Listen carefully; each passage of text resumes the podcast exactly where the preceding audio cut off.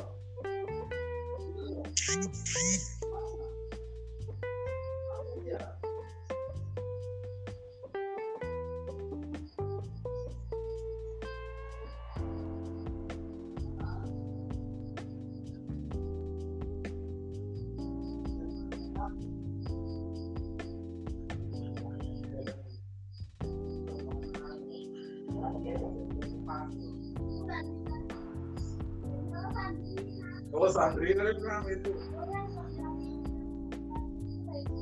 Oh.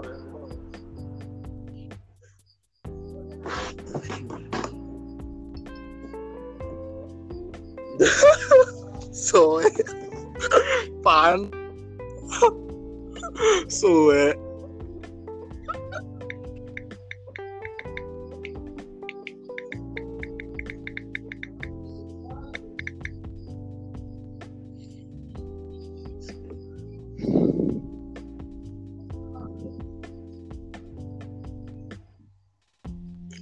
Apa juga.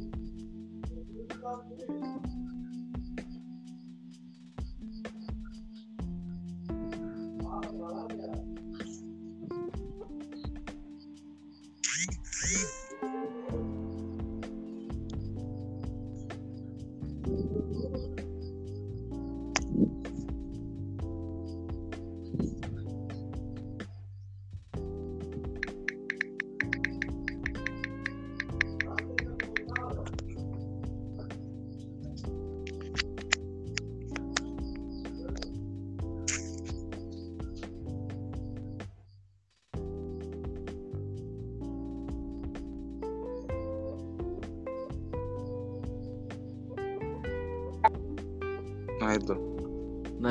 Assalamualaikum.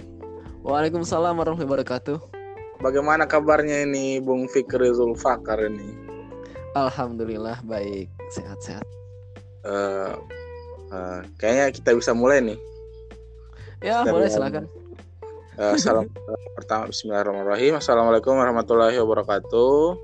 Waalaikumsalam warahmatullahi wabarakatuh. Terima kasih atas kesempatannya untuk kehadiran pertama bintang tamu pertama ini. Tepuk tangan dulu nih bintang tamu di podcast politik milenial. Oke, oke, oke. Ya. Terima kasih atas sudah mendukung dan menyupport eh, edisi podcast politik milenial ini. Eh, yang muda yang berbicara, yang muda yang berpolitik dan yang muda yang akan tampil menduduki apa kekuasaan di dunia yang fana ini. Jadi Oke, Jadi- oke. eh, bincangnya kalau menurut saya tidak terlalu apa ya politis sekali. Tapi untuk ranah ilmu pengetahuan bisa dan politik ini bisa juga. Eh, sharing mana antum bisa sampai membuat eh, kalau menurut saya ada gebrakan sih, ada faktor bangkit dalam dalam artian pemikirannya antum soal membuat satu buku PDF itu itu bagaimana ceritanya? Apa maksud politik Anda membuat buku itu? Kan ada maksud politik kan, ada Oke. maksud Ha, kita boleh kulik untuk malam ini. Untuk Oke. bintang tamu dipersilahkan berbicara. Ya Bismillahirrahmanirrahim. Assalamualaikum warahmatullahi wabarakatuh. Waalaikumsalam warahmatullahi wabarakatuh.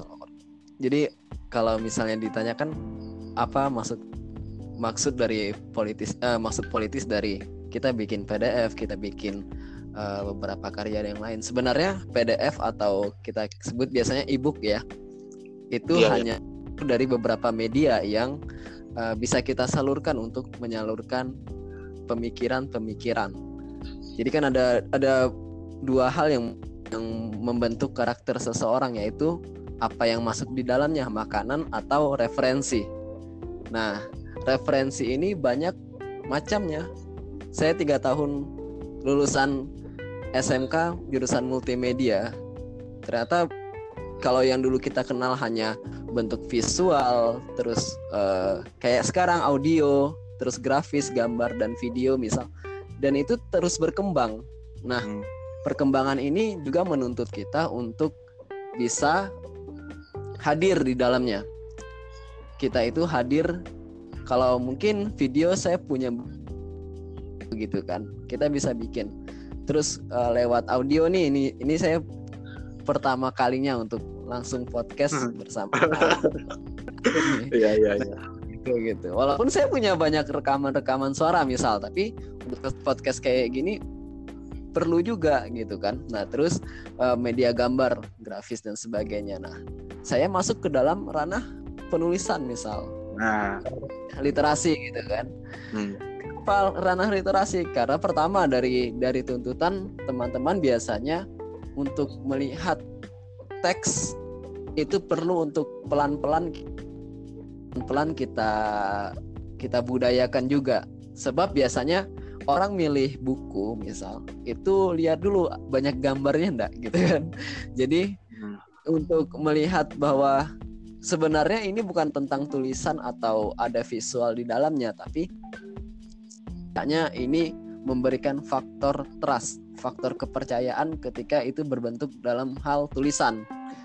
Karena dalam tulisan itu kita bukan hanya bebas dalam menulis tetapi bisa punya kesempatan untuk memperdalam referensinya. Ada footnote di dalamnya, ada catatan catatan kaki dan dilengkapi di akhirnya juga ada referensi kan, referensi apa yang kita pakai dalam membuat eh, rilisan itu. Nah, saya saya rasa itu. Jadi eh, strategi politisnya adalah pertama untuk membudayakan eh, minat baca, yang kedua adalah memperdalam referensi itu sendiri. Kalau di video bisa, kalau di audio juga juga mungkin bisa, tapi mungkin lewat penyampaiannya seperti apa. Dan kalau misalnya kita pilih video, misal itu butuh waktu ya kan, butuh waktu Iya, untuk iya. memahami dan sebagainya. Audio juga gitu, mungkin ketika saya me- apa namanya menjelaskan seperti ini tidak sedalam ketika kita tuliskan, kita Hmm. kita sampaikan bentuk tulisan seperti itu. Ah iya iya. Agak paham saya. Eh, Iya. agak bagus sih penyampaiannya tadi soal membudayakan eh, literasi dan harusnya kita sadar bahwa sejarah pada masa lalu itu peradaban Islam itu kaya akan ilmu pengetahuan dan tidak ada dogma antar agama dengan saing. Di Daulah Abbasiyah itu eh, apa namanya ke kalau bisa dibilang go atau hmm, hmm, hmm. kegemilangannya Islam itu pada saat itu untuk masalah penelitian. Namun yang dari bahwa ada salah satu khalifah itu tiba-tiba eh, memfatwakan bahwa tidak bisa lagi seorang muslim itu berijtihad. Nah di situlah mulai-mulai masuknya liberalisme dan beberapa pemikiran filsafat itu masuk dan menghancurkan daulah itu. Dari situ dari munculnya tidak bisa berijtihad. Nah dari situ kita paham bahwa dari sisi sejarah kita ini cerdas. Pendahulu kita itu luar biasa kenapa tidak kita budayakan kembali hal-hal yang dulu pernah dibudayakan oleh pendahulu kita nah ini uh, kalau misalnya luar biasa antum punya uh, apa ya kalau bisa dibilang mengajak teman-teman yang baru pertama yang baru mulai hijrah dengan salah satu grup untuk bagaimana supaya antum bisa menjelaskan bagaimana sih konsepsi akidah dalam Islam itu. Kalau saya itu menyukai orang seperti itu punya gebrakan. Nah, kalau kita tidak punya gebrakan untuk umat ini, kita terbelakang dan kita bukan generasi yang terbelakang. Islam itu bukan generasi yang terbelakang. Malahan Islam yang buat peradaban yang luar biasa kalau kata saya kutip dari uh, dokter uh, siapa Henry Salaludin itu beliau itu uh, berucap waktu di apa Saturday Forumnya INSIS itu di pada diskusi tentang dimensi-dimensi peradaban Islam itu pada hmm. menit ke satu satu jam 19 menit pas semua habis nonton itu tiba-tiba beliau itu mengatakan bahwa sebelumnya itu sebelum satu jam itu pada menit keberapa agak selalu menitnya tapi intinya bahwa pada peradaban Islam itu itu bisa dibilang sangat indah sangat toleran tiba-tiba sangat kalau bisa dibilang itu uh, tidak ada pertikaian di antara beberapa agama pada saat itu di Andalus ya. dari situ hmm. saya bilang ternyata Islam ini hadir untuk memang mengatur masyarakat. Dan tidak tidak bisa kita pungkiri itu sejarahnya ada. Dan kalau kita menafikan itu kita sama saja meludah pada pada diri kita sendiri bahwa kita ini sebenarnya siapa? Tiba-tiba tidak mau menerima sejarah yang pernah ada pada saat itu umat Islam. Kalau kita menolak kita ini akidahnya sebenarnya bagaimana? Itu dipertanyakan dari masalah tahrirnya dari masalah rihlanya dari masalah perjalanan dari masalah sejarahnya kalau dari sini kita sudah kalah bagaimana mungkin kita tiba-tiba tidak menerima pemikiran luar yang maksudnya rasional padahal Islam lebih rasional kalau menurut saya. Nah, e, untuk e, budaya politiknya ini saya lihat agak menurun sekarang karena orang-orang sekarang itu agak malas bahas politik. Itu bagaimana tanggapannya e, Bung Fikri soal itu? Oke, kalau tanggapan kenapa melihat ya melihat bahwa intensitas orang melihat politik itu semakin menurun sebab merasa memang masih dalam tahap merasa bahwa apa pun politiknya hasilnya sama saja gitu. Nah ini mungkin tidak lepas dari hegemoni uh, peradaban yang ada sekarang bahwa apa pun politiknya tidak lepas dari kepentingan.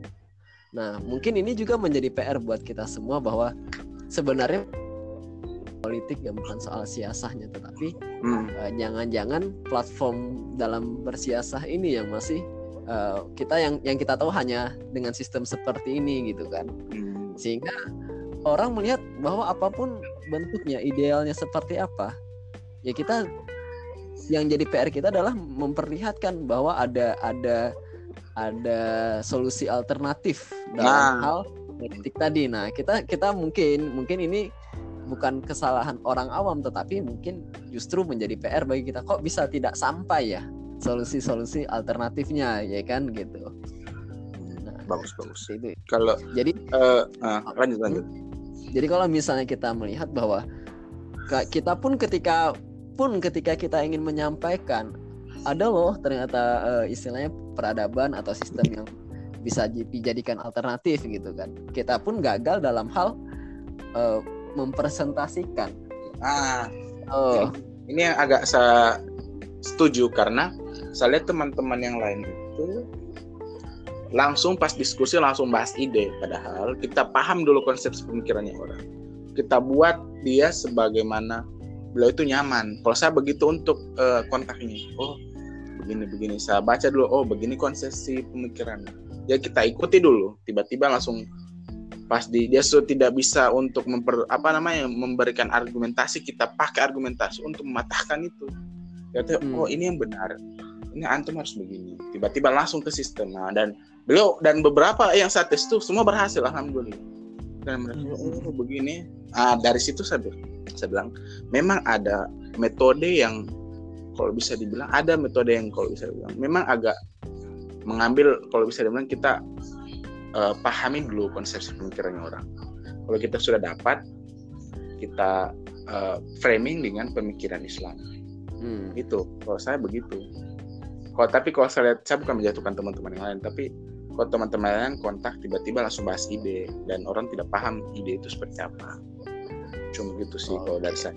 Kalau yang lain itu sama sih cuma masalah pendekatannya itu kalau dari muslim saya itu kita harus pendekatannya harus paham konsepsi pemikirannya orang dulu hmm. dan kalau kita sudah paham ya sudah gampang untuk dikemudikan begitu Iya betul betul jadi eh, bagaimana tanggapan antum soal eh, kita bahas politik ini kan politik okay, okay. soal eh, akan dihapusnya materi-materi pelajaran agama mm-hmm. di yang persekolahan itu bagaimana tanggapannya antum? Apa ada maksud politik yang terselubung dari apa namanya Kemenak dan ya dari Kemenak sendiri dan apa sebenarnya apa namanya desakan Kemenakin tiba-tiba langsung ya. uh, langsung memberikan statement seperti itu apakah ada politik terselubung itu saja sekedar saya oke okay, uh, Jadi kita melihat tadi maghrib juga sudah sempat dapat link dan beberapa grup yang saya ikuti gitu kan dan dibahas. Nah, yang menarik adalah ini kalau kita perhatikan kalau kita melihat sekilas tentang itu kan ke, keputusan ke, entah ya kalau mungkin ada beberapa versi di luar sana tapi yang tersebar hmm. di dalam grup yang saya baca itu adalah penyampaian kemenak kepada uh, mungkin madrasah-madrasah untuk menghapuskan PAI dan bahasa Arab. Hmm. Nah, yang menarik di situ adalah ada ada di situ ustadz yang memang mengajar beberapa tahun di dalam madrasah juga berkomentar bukan bukan malah menolak tapi dia bilang saya juga justru bingung nih selama ini memang tidak ada pelajaran PAI loh gimana nih maksudnya kan gitu kan nah ternyata Oh. Ternyata pelajaran PAI itu pendidikan agama Islam itu hanya di, diajarkan di dalam sekolah formal. Iya gitu. iya. Nah, jadi kita harus saya pun masih terus menelusuri maksudnya pelajaran agama Islam itu apa? Apakah yang diubah namanya gitu kan? Apakah standarnya atau hmm. kurikulumnya seperti itu? Hmm. Nah, tapi melihat hmm. bahwa kita juga tidak bisa tidak bisa mengabaikan begitu saja sebab kita tahu sekarang ini semua ya tadi kita kalau kita katakan politis semuanya itu punya kepentingan kepentingan mantap nah, yang yang kita pahami bahwa bahwa orang tahu yang istilahnya sedikit banyak orang tahu perubahan itu didasarkan atau dilandaskan dengan gerakan-gerakan keagamaan, kesadaran-kesadaran akan keagamaan. Hmm. Nah, sebab ketika kita bicara tentang universal, tentang uh, istilahnya kes keberagaman, rasanya itu tidak pernah bentrok sampai sampai kita melihat bahwa ada realita antara ketika kehidupan beragama itu justru ada perbedaan. Makanya yang yang mau diubah, yang mau disesuaikan ya tanda kutip disesuaikan itu ya pelajaran-pelajaran agama pasti itu. Nah, saya rasa itu. Jadi ketika kita melihat bahwa adalah kenapa pelajaran agama yang harus di kita katakan diusik dan sebagainya ya karena semua perubahan itu justru dari mengakarnya seseorang pada agamanya gitu. jadi ketika Tapi, kita kita uh, ketika kita ketika misalnya kita katakan ada ada gerakan tertentu untuk mengubah itu ya dan mengubah pelajaran agama pada pada pada khususnya itu pasti ada hmm ada satu kesadaran orang sudah melihat ada kesadaran ke keagamaan yang uh, yang yang membuat semuanya itu jadi lebih berbeda gitu. Hmm. Mantap mantap.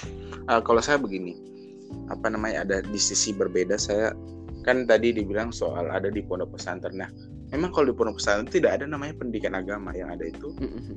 uh, penerapan dari pendidikan agama itu seperti fikih, hadis, uh, tafsir, uh, balago apa semua itu itu ada dan tidak ada tulisannya untuk agama dan apa hmm. dari sini saya bilang kalau Rozi itu agak keliru tiba-tiba semuanya dia langsung skak di pendidikan agama padahal kalau hmm. di ponpes itu tidak ada ya, ada itu ekonomi syariah apa semua itu kan kan tidak ada dari situ dari situ kegagalan atau kesesatan berpikirnya kalau Rozi harusnya dia serang di tipikal sekolah SMA, SD, SMP. Mm -hmm. Di ranah ponpes. Ponpes itu kan tidak paham Pak PA ini apa sebenarnya. Ah ya ya ya. ya. Itu yang tadi pas saya baca oh dari situ antum kayaknya ya agak kurang maklumat sabiko. Nah maklumat sabikonya itu.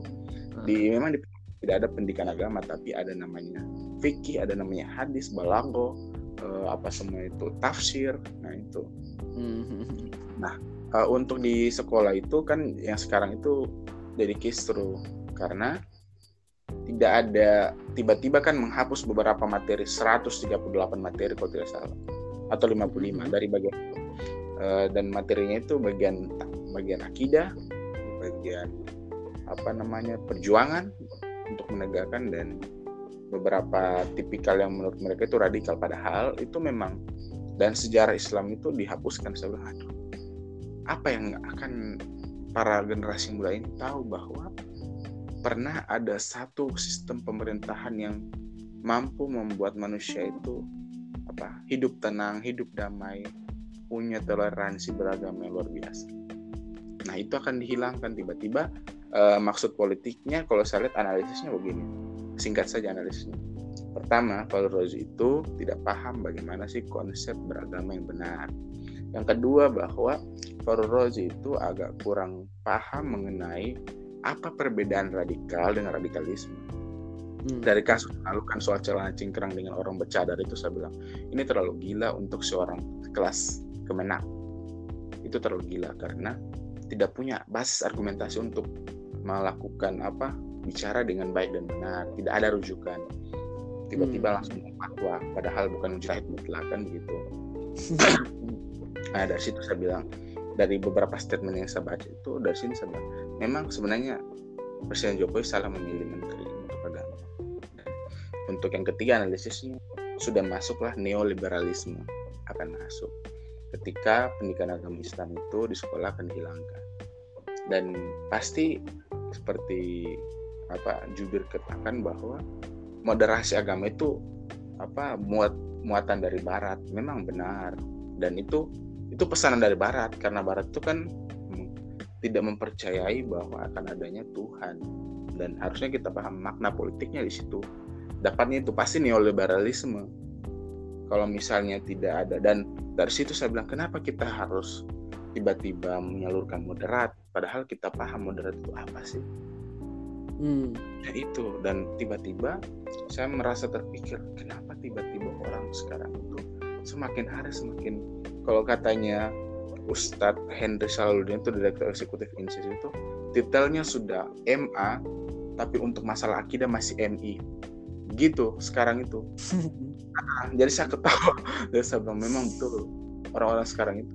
Detailnya sudah MA tapi masalah agamanya masih MI begitu dan saya bilang ini ini guyonan yang saya bilang kebanyakan orang seperti itu. Dan saya bukan apa ya misalnya bukan menjatuhkan tapi memang benar.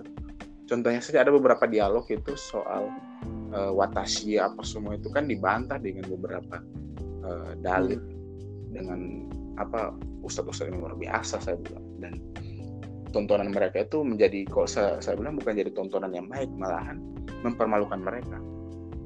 Yang dari yang mereka ini maksudnya tidak boleh lah kalau sama muslim itu harusnya mendukung bukan malah tiba-tiba langsung menjas orang salah menghukumi orang tidak hukum syarak. Itu itu yang saya lihat dari NU tapi kita paham dulu ada NU yang garis lurus, hmm. ada yang liberal. Yang liberal ini yang saya maksud, yang garis lurus tidak. Oke okay, oke. Okay. agak agak tidak mau mereka eksistensinya mereka itu berkurang dan ketua PBNU juga begitu. Mereka itu kalau bisa dibilang mereka itu bersanat, cuma masalahnya liberalisme masuk itu akidahnya mereka tidak murni lagi Nah itu dari saya dan bagaimana kita sudah bahas kan sudah kalau masa sudah clear ini untuk sharingnya. Bagaimana antum soal RUU HIT ini ada makna politik ganda atau tiba-tiba ini hanya kamuflase dari partai yang mengusungnya itu bagaimana tanggapan politik antum?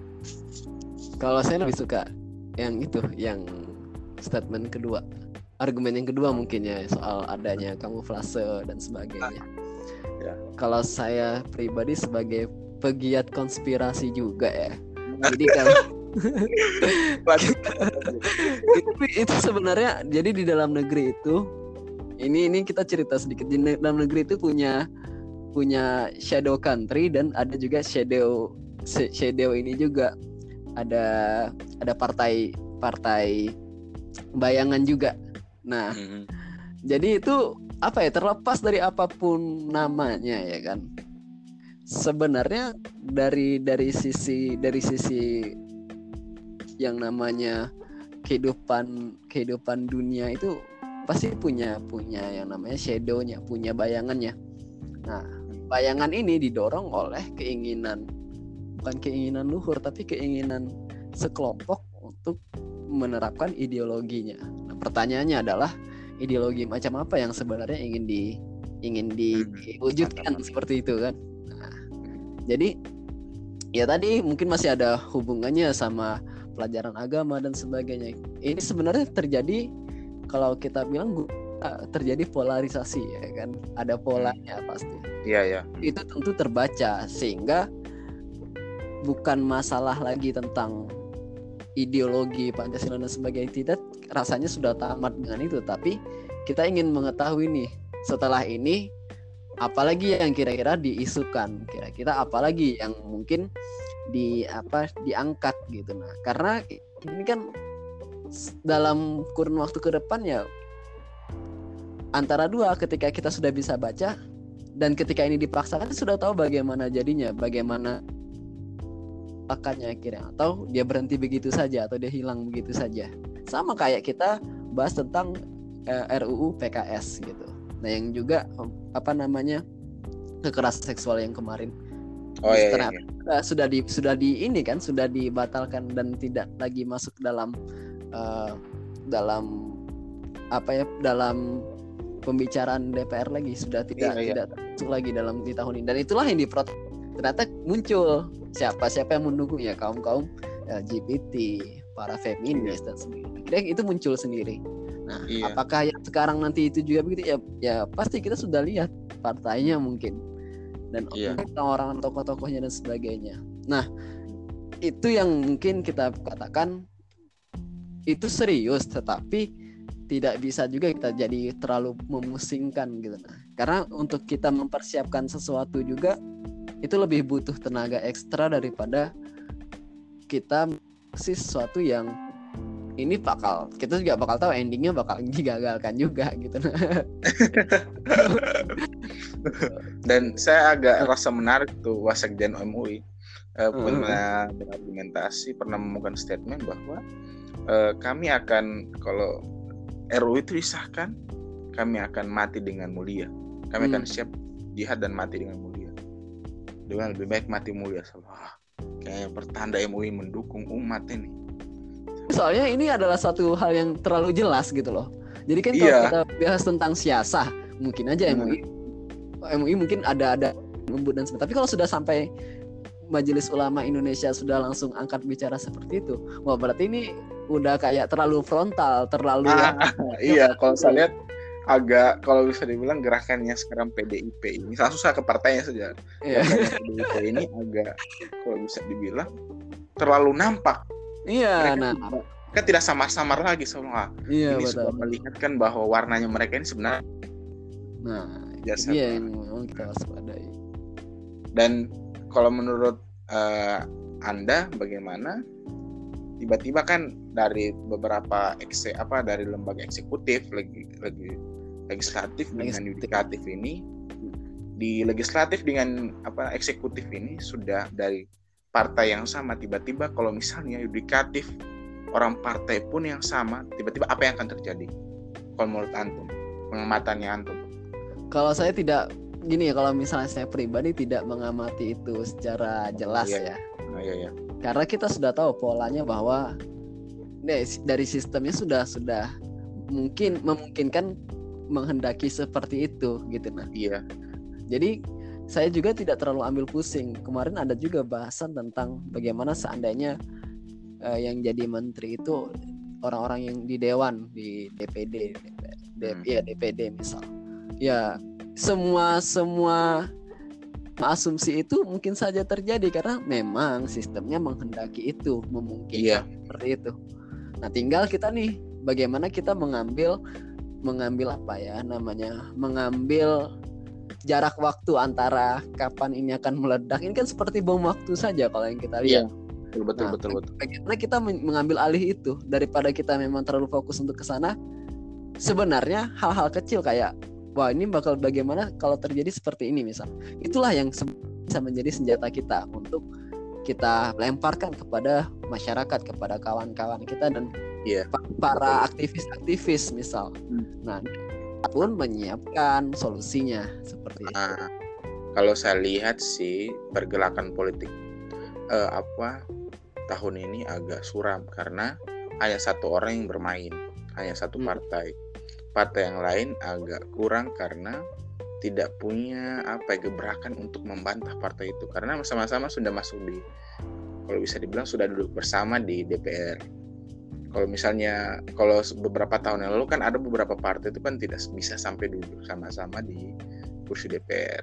Hmm. Dan uh, untuk makna politiknya itu bahwa sekarang dari pas RUU HIP dijalankan itu dan tidak dibicarakan kembali akan ada isunya untuk disahkan secara tiba-tiba. Itu bagaimana hmm. tanggapannya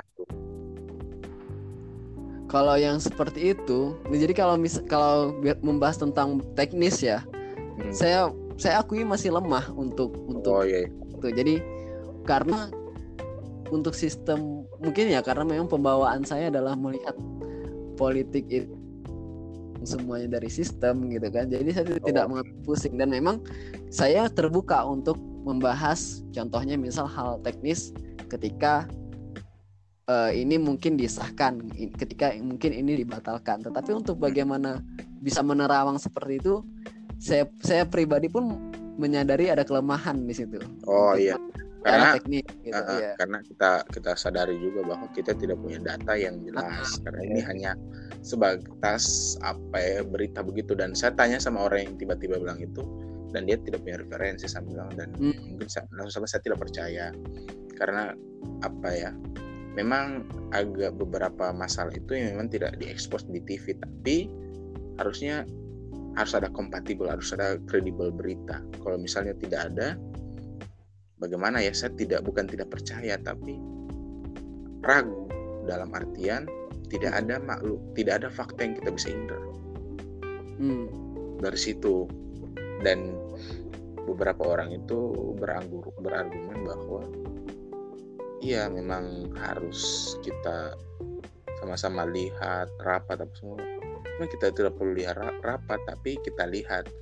Maksudnya mereka melakukan RUU HIP itu apa? Dari pertama itu masalahnya kita sudah bisa baca sebenarnya posisi politiknya. Dan harusnya kaum milenial itu paham bahwa ada maksud lain dari ide RUU HIP dengan hmm. dengan apa? Dengan visi misi partai tersebut. Dan kalau saya lihat hmm. memang itu RUU HIP itu sebenarnya untuk kalau macam yang saya kutip dari Dr. Tiara Anwar Bahtiar itu waktu diskusi malam lalu tuh kan BPIP ini apa namanya masih lembaga yang di atas perpres apa keputusan presiden mm-hmm. belum ada undang-undangnya kalau sudah ada lembaga yang punya undang-undang aliran dana dari pihak presiden itu dari APBN itu langsung ke lembaga terkait. Nah hmm. dilihat itu itu sudah saya bilang oh politik ekonominya sudah jalan di situ. Dan benar. Hmm. kan akan kalau disahkan undang-undang haluan ideologi Pancasila ini pasti kalau Rocky Gerung bilang pasti akan menggebuk semua undang akan semua undang-undang itu akan pasti langsung lari ke ini undang-undang haluan. Karena ini sudah namanya haluan loh yeah. kalau tidak dengar haluan kau tidak akan bisa jadi undang-undang nah ini akan melihat akan melihatkan bahwa BPIP itu lembaga kalau bisa bilang menjatuhkan lembaga-lembaga yang lain di, anu, di Indonesia karena hmm. kekuatan legitimasinya kuat dengan undang-undang tersebut. Nah itu itu makna politiknya kalau saya oh ternyata begini dan strateginya. Dan kalau memang dan kalau Dokter Anwar Batiar itu memang betul, e, punya analisis soal itu. Soal memang 128 juta itu menurut uh, pimpinan parpol itu kecil. Saya bilang waduh gila. 128 juta kecil. Oh, saya bilang di dari situ saya bilang sudah kalau orang sudah pikirnya materi terus pasti tidak akan bersyukur. Malahan kufur kan? Jadi saya bilang saya tidak peduli yang orang-orang yang begitu karena memang sudah menjadi fitrahnya mungkin gitu. Mm -hmm. jadi saya bilang ya mau dibuat main-main lagi. Dan harusnya kita e, meneropong lagi. Dari dari semua pertikaian yang ada dalam artian mau politik mau adu argumentasi yang saya lihat di sini bahwa semua umat Islam menolak. Dari hmm. dari segi rakyat biasa yang tidak paham ideologi menolak. Kenapa tiba-tiba saya pernah uh, dialog, dialog dengan om saya barusan itu. Tiba-tiba langsung diperas-peras ini dia pikir apa ini? Jadi marah beliau. Langsung cerita-cerita ternyata dia marah dan tiba-tiba nanti dulu nanti